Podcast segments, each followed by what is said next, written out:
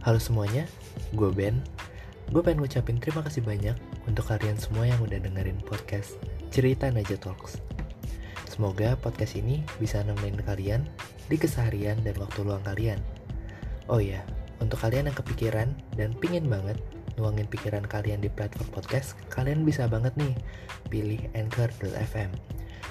Platform ini sangat mudah, gak ribet, caranya tinggal record aja, terus bisa edit audionya dengan mudah, lalu tinggal publish dan podcast kalian udah bisa ada di platform podcast-podcast lainnya. Thank you.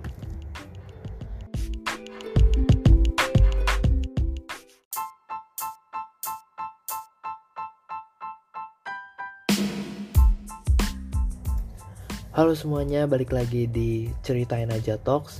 So, gimana nih keseharian kalian?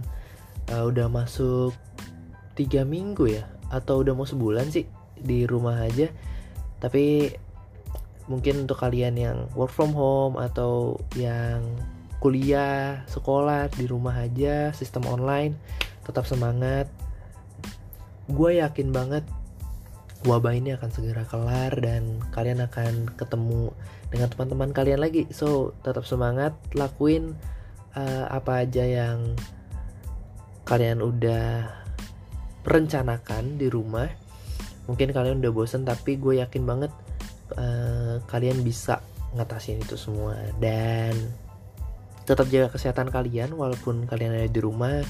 Jangan kurang tidur dan tetap minum vitaminnya Terus untuk kalian yang harus melakukan aktivitas di luar rumah entah itu bekerja atau mungkin ada situasi yang memaksa kalian memang harus keluar rumah stay safe untuk kalian semua tetap jaga kesehatan kalian juga. Uh, jalani social distancing so, jalani social distancingnya juga. Karena bagaimanapun kesehatan kalian adalah yang paling utama kayak gitu. Nah ngomong-ngomong tentang work from home dan jangka waktu yang udah cukup lama nih pasti gue yakin banget kalian udah kangen dong sama teman-teman kalian gitu kan. Kangen dengan situasi yang ada di uh, luar sana dengan rutinitas yang biasanya kalian lakukan gitu. Gue inget banget uh, kemarin temen gue bilang anjir ini kayak bukan Jakarta gitu. Jakarta biasanya yang gue temuin tuh penuh dengan kepadatan penuh dengan orang-orang uh, sekarang sepi banget men gitu. Sepi banget dan ini kayak bukan Jakarta yang gue kenal gitu.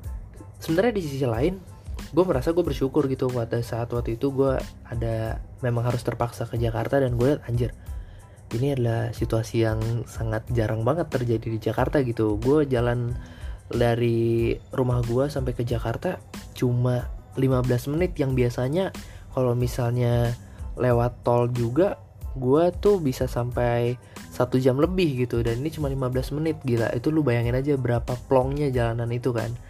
Dan terus gue ngeliat kayak uh, situasi di beberapa tempat yang gue kunjungin itu adalah benar-benar jarang banget gue lihat orang di sana. Paling uh, yang gue lihat adalah pegawai-pegawai yang bekerja di tempat tersebut gitu. Dan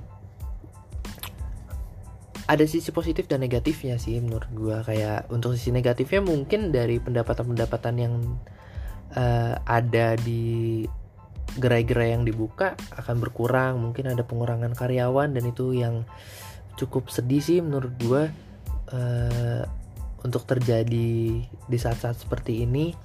Tapi untuk sisi positifnya kita bisa melihat bahwa uh, ada perubahan cuaca gitu di Jakarta yaitu dari berkurangnya polusi di Jakarta menurut gue itu membuat cuaca di Jakarta itu lebih segar setuju gak sih sama uh, statement yang gue keluarin ini? Karena waktu itu gue dari bawa mobil aja di tol gitu kalau misalnya kalian tahu Menara Saidah dari tol Jagorawi, Jagorawi itu biasanya tuh nggak bakal kelihatan gitu ketutup dengan polisi-polisi yang ada. Tapi ini pas gue jalan lewat tol Jagorawi aja itu benar-benar jernih dan kelihatan banget Menara Saidah gitu. Bahkan teman gue waktu itu uh, nge-snapgram kalau Gunung Salak aja itu kelihatan benar-benar kelihatan banget gitu. Jernih bisa dilihat gitu dari kejauhan. Dan ini adalah suatu dampak positif yang cukup uh, bagus sih menurut gue dan juga uh, gue dengar kabar gitu temen gue ngelihat di instastory apa di Instagram gitu ada video kalau uh, di daerah Italia kalau nggak salah. Itu lumba-lumba aja sampai bisa berenang di tepi pelabuhan gitu. Dan sungai yang ada di sana tuh bersih banget gitu. Dan menurut gue ini adalah dampak positif dari wabah ini tapi bagaimanapun kita harus tetap berdoa dan harus tetap optimis bahwa wabah ini akan segera selesai di Indonesia di kota dan negara tercinta kita ini. Terus juga uh, dari masa-masa work from home kayak gini quarantine kayak gini kan kadang gue suka mikir dan kangen gitu sama masa-masa gue waktu dulu gitu waktu masih sekolah waktu masih SMA SMP gue uh, kalau misalnya di tempat kerja gue kebetulan gue juga masih harus bekerja karena gue kebetulan bekerja di bidang pelayanan juga.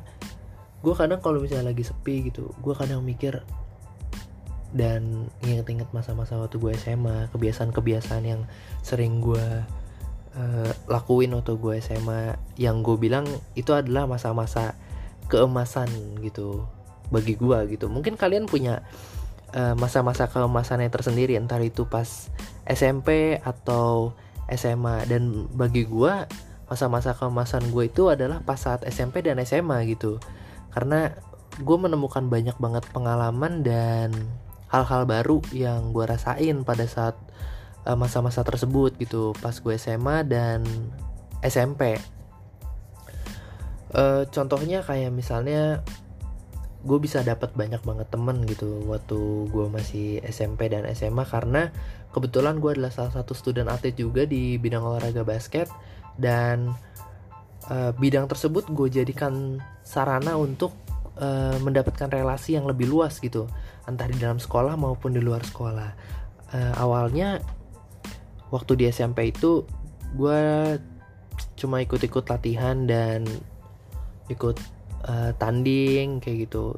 Tapi memang gue dari uh, dulu dari SD gue memang udah latihan basket tapi mulai tekunnya itu pas di SMP mulai ikut turnamen mulai uh, apa ikut latihan di klub-klub yang ada yang memang gue ikuti pada saat itu. Terus beranjak ke kelas 2 SMP gue mulai semakin serius lagi pada saat itu menjadi uh, student atlet. Terus akhirnya puncaknya pas uh, maksudnya titik baliknya itu pas gue waktu kelas 3 SMP jadi waktu itu gue mengikuti salah satu seleksi untuk tim tingkat daerah di tempat gue tinggal.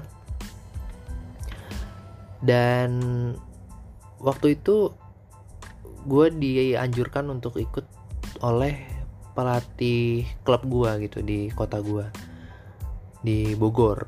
Terus singkat cerita gue keterima. Dan gue lolos seleksi untuk masuk ke tahap selanjutnya. Nah dan di situ gue sangat bersyukur banget bisa terpilih menjadi salah satu uh, istilahnya pemain paling muda lah pada tahun itu. Karena waktu itu harusnya memang di tahun kelahiran 94 kalau nggak salah. Ya tahun kelahiran 1994 dan gue lebih cepat 4 tahun gitu lebih cepat 4 tahun untuk bisa mengikuti kejuaraan tersebut. Dan di sinilah titik balik di mana basket menjadi salah satu sarana gue memperluas relasi gitu. Dan ini gue bisa bilang adalah uh, apa ya titik awal masa kemasan gue dimulai gitu masa kemasan gue dimulai. Dari pertandingan kelas 3 SMP tersebut gue masuk ke tim daerah lalu berlanjut di uh, eh, SMA nah di sini juga juga uh, mendapati banyak banget pelajaran hal baru khususnya karena waktu gue masuk ke SMA itu gue masuk negeri gitu. Karena gue tuh dari TK SD SMP gue adalah salah satu orang dari keluarga yang masukin anaknya itu ke sekolah swasta mulu.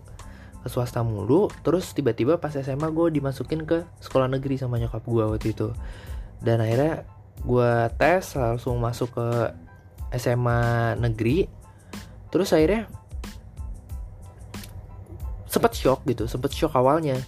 Sempat shock karena ya pasti ada perbedaan dong gitu kan. Pasti ada perbedaan antara ketika lu masuk di sekolah swasta yang uh, mayoritas adalah Nasrani dan kebetulan gue dari SMP Katolik gitu.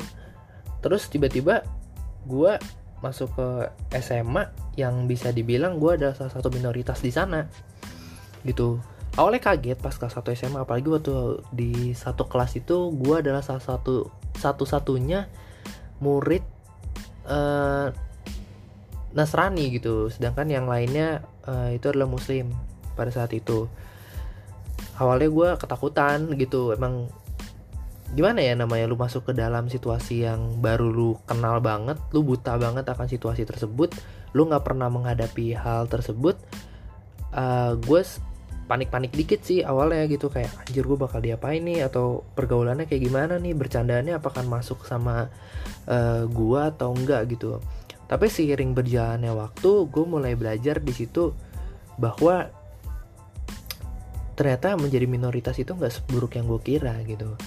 Dan pada saat itu gue belajar untuk menerima perbedaan lalu gue mengerti artinya toleransi pada saat mereka mengada apa melaksanakan ibadah mereka seperti puasa lalu di bulan puasa ya. Lalu mungkin ada juga teman-teman gue beberapa yang menjalankan puasa Senin Kamis kalau misalnya lu tahu. Dan gue di situ mulai belajar untuk menjadi salah satu orang yang bisa menghargai perbedaan gitu. Dan ini mungkin kalau misalnya gue masuk ke SMA yang swasta bisa jadi gue nggak mendapatkan pelajaran ini jadi so untuk kalian yang mungkin belum pernah punya pengalaman atau selama masa sekolahnya itu masuk ke swasta uh, dan nggak pernah merasakan sekolah di negeri apalagi kalian uh, ada salah satu orang yang termasuk minoritas tidak seburuk itu. Tidak seburuk yang kalian kira untuk menjadi minoritas di suatu lingkungan yang uh, kalian tidak tahu sama sekali dan kalian buta akan hal tersebut gitu. Karena gue adalah salah satu orang yang pernah merasakan hal itu. Dan menurut gue sejauh ini bahkan gue mulai uh, dan lebih dekat dan dapat lebih mudah menerima akan perbedaan gitu. Jadi kalau misalnya gue kadang ngelihat orang yang udah bilang kalau dia tidak bisa menerima perbedaan menurut gue gue kurang setuju sama hal itu karena perbedaan itu nggak seburuk itu kok gitu kan. Perbedaan itu bahkan menciptakan suatu pelajaran baru menurut gue dalam kehidupan lo dan lo bisa uh, mendapatkan pelajaran itu hanya dengan perbedaan. Dan itu dia positifnya dari perbedaan gitu. Walau memang waktu zaman gue SMA banyak hal-hal yang kurang enak juga yang gue alamin gitu pada saat itu tapi ya dari situ gue belajar untuk bisa menjadi satu orang yang uh, lebih menghargai dan tidak melakukan hal yang kurang baik itu kepada orang yang melakukan hal tersebut kepada gue gitu. Nah terus uh, waktu gue di SMA ini gue juga aktif dalam melakukan uh, aktivitas olahraga basket juga. Gue juga masuk dalam salah satu tim inti di sana juga dan dua minggu gue baru masuk ke sekolah itu gue udah uh, ikut turnamen gitu ikut turnamen bersama teman gue mungkin yang di pod, uh, di episode sebelumnya gue pernah cerita yang namanya itu Arif. Nah Arif ini adalah salah satu teman gue pertama kali yang gue kenal di sekolah gue waktu itu. Karena kita latihan bareng di latihan basket waktu itu. Dan pada saat kelas 1 SMA bahkan teman gue cuma dia doang gitu. Temen gue cuma dia yang paling deket gitu karena mungkin gue masih shock gitu kan uh, dengan kultur yang berbeda. Mulai baru mulai mencerna dan belajar gitu akan semua hal yang baru gue temukan pada saat itu. Nah di sini gue mulai nih masuk masa-masa kemasan gue gue mulai uh, ikut turnamen sana sini banyak uh, mengenal orang banyak dikenal orang juga gitu.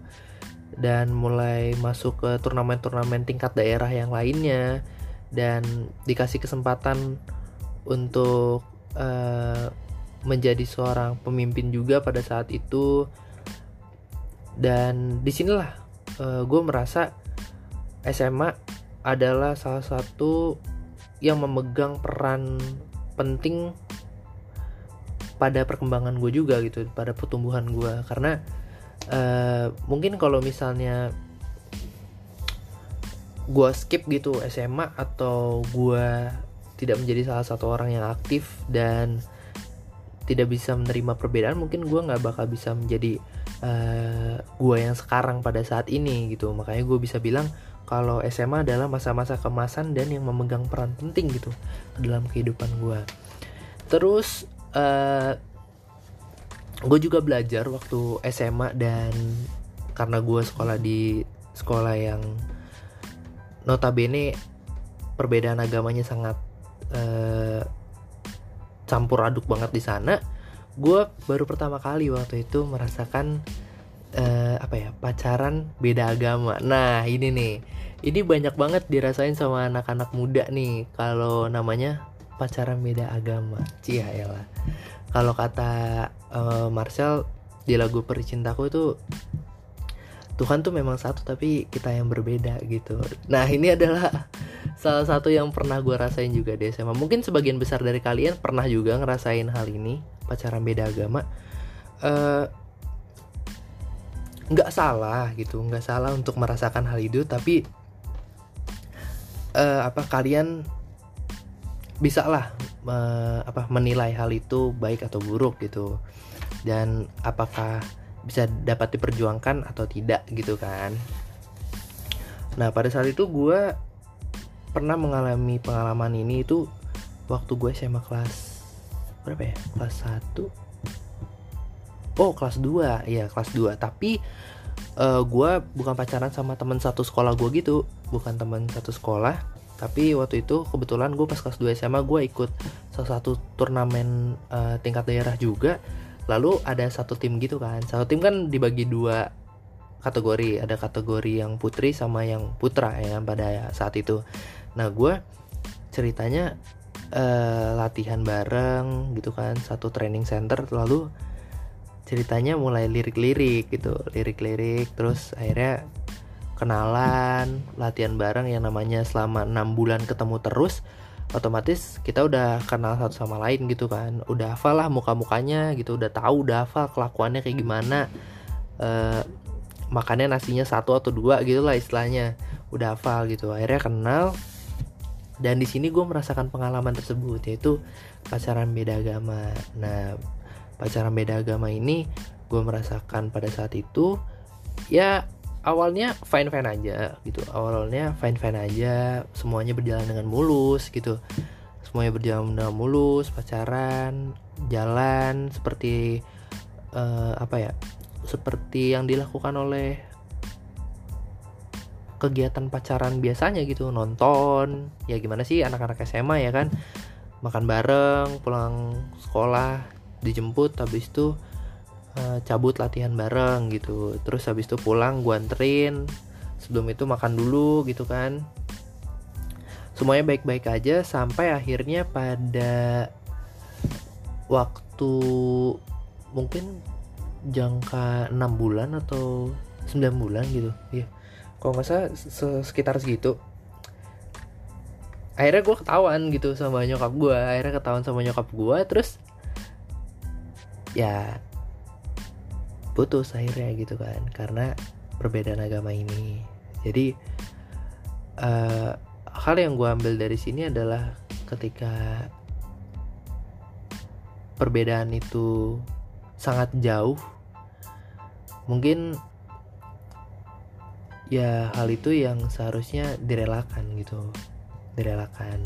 Meskipun sakit tapi gue yakin sama-sama seiringnya berjalan waktu ketika kita dewasa kita tahu hal itu memang harus direlakan gitu walaupun sakit.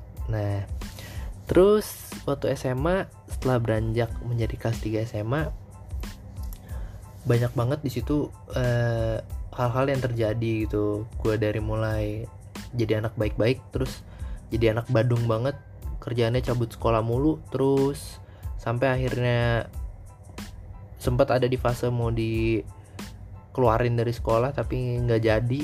Terus habis itu akhirnya mas uh, apa rajin lagi masuk karena kebetulan pengen UN waktu itu kalau nggak salah. Pengen UN terus uh, pengen ujian-ujian dari sekolah segala macam tryout. Akhirnya gue mulai fokus lagi sekolah dan apa pada saat SMA juga itu gue kebetulan satu sekolah sama temen gue yang namanya Derry. Nah ini di episode sebelumnya gue udah ceritain nih kisah gue sama Derry ini kayak gimana. Jadi singkat aja nih gue ceritain. Jadi Derry ini uh, sempat musuhan gitu gara-gara satu cewek. Eh taunya dia pas masuk satu sekolah sama gue dia tuh awalnya nggak tahu kalau satu sekolah di sekolah itu gue uh, ada gue gitu sebagai kakak kelas dia. Eh pas masuk ceritanya dia ketemu nih pas hari pertama dia latihan. Hari pertama dia latihan gue inget banget posisinya dia lagi ngikat sepatu di pojok lapangan terus tiba-tiba gue turun dari lantai dua. Gue turun dari lantai dua nenteng-nenteng tas gue duduk gue pasang sepatu terus dia nyamperin pelatih gue terus dia ngomong gini kak itu si Eben kok ada latihan di sini? Terus kata pelatih gue lah dia emang di sini gitu gitu. Di gue nggak tahu dah dia di sini. Lih lu ke mana aja di kakak kelas lu ya dan di situ gue sempet canggung gitu. Jadi gue latihan sambil diem dieman gitu. Ini kocak banget sih emang tuh orang. Tapi akhirnya gue berteman baik dengan dia. Sampai sekarang gue baru banget balik dari rumah dia bahkan saat ini. Dan ya gitu. Dari rebutan cewek cewek ini jadi mantan gue dan cewek ini juga jadi mantan dia akhirnya kita jadi temenan. Ya itu suatu hal yang lucu juga sih menurut gue kayak mantan sama mantannya tuh bisa temenan gitu kan. Dan ini banyak juga terjadi gitu kan kalau kalian pernah ngerasain pasti ada yang pernah ngerasain gini mantan kalian sahabatan dengan mantan kalian juga. Oke. Okay.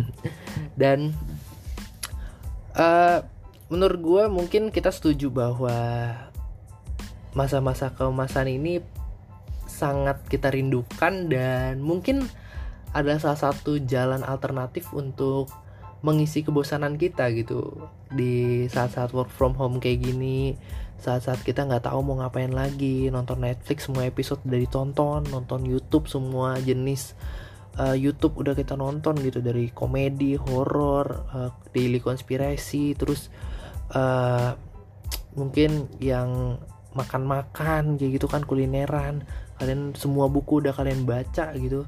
Mungkin ini adalah salah satu jalan alternatif untuk uh, menghibur kalian gitu pada saat work from home kayak gini gitu. Uh, mungkin kalian bisa ngeliat galeri-galeri lama kalian terus kalian bisa inget-inget nih ini momennya pada saat kapan gitu. Terus kalian bisa mungkin uh, bikin grup lagi dan chattingan sama teman-teman kalian waktu SMA nginget-inget masa-masa lalu kalian gitu. Mungkin untuk ah, kalian-kalian yang dengerin dan masih sekolah mungkin kalian belum pernah ngerasain hal kayak gini.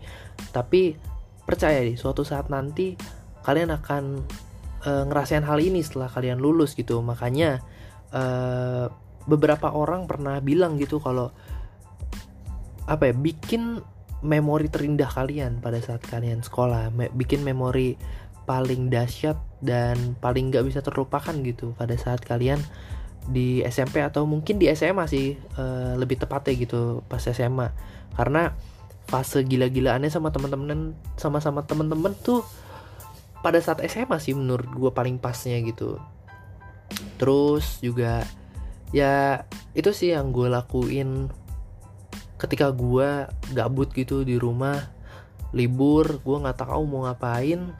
Gue kadang suka buka buka foto-foto lama gue apalagi foto-foto tim gue dulu waktu mungkin pas tanding gitu lawan sekolah mana lawan sekolah mana atau mungkin uh, pada saat kita juara gitu atau pada saat kita foto-foto sheet posting kita gitu ya itulah yang bisa gue lakuin untuk mengisi waktu luang di saat work from home kayak gini mungkin kalian bisa uh, aplikasikan di keseharian kalian dan menjadi salah satu list untuk mengisi kegabutan kalian di rumah.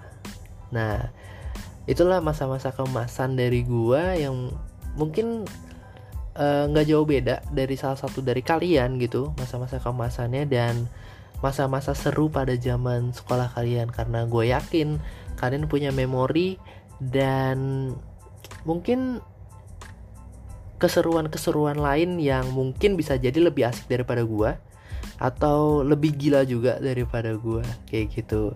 So thank you untuk ngedengerin episode kali ini. See you on the next episode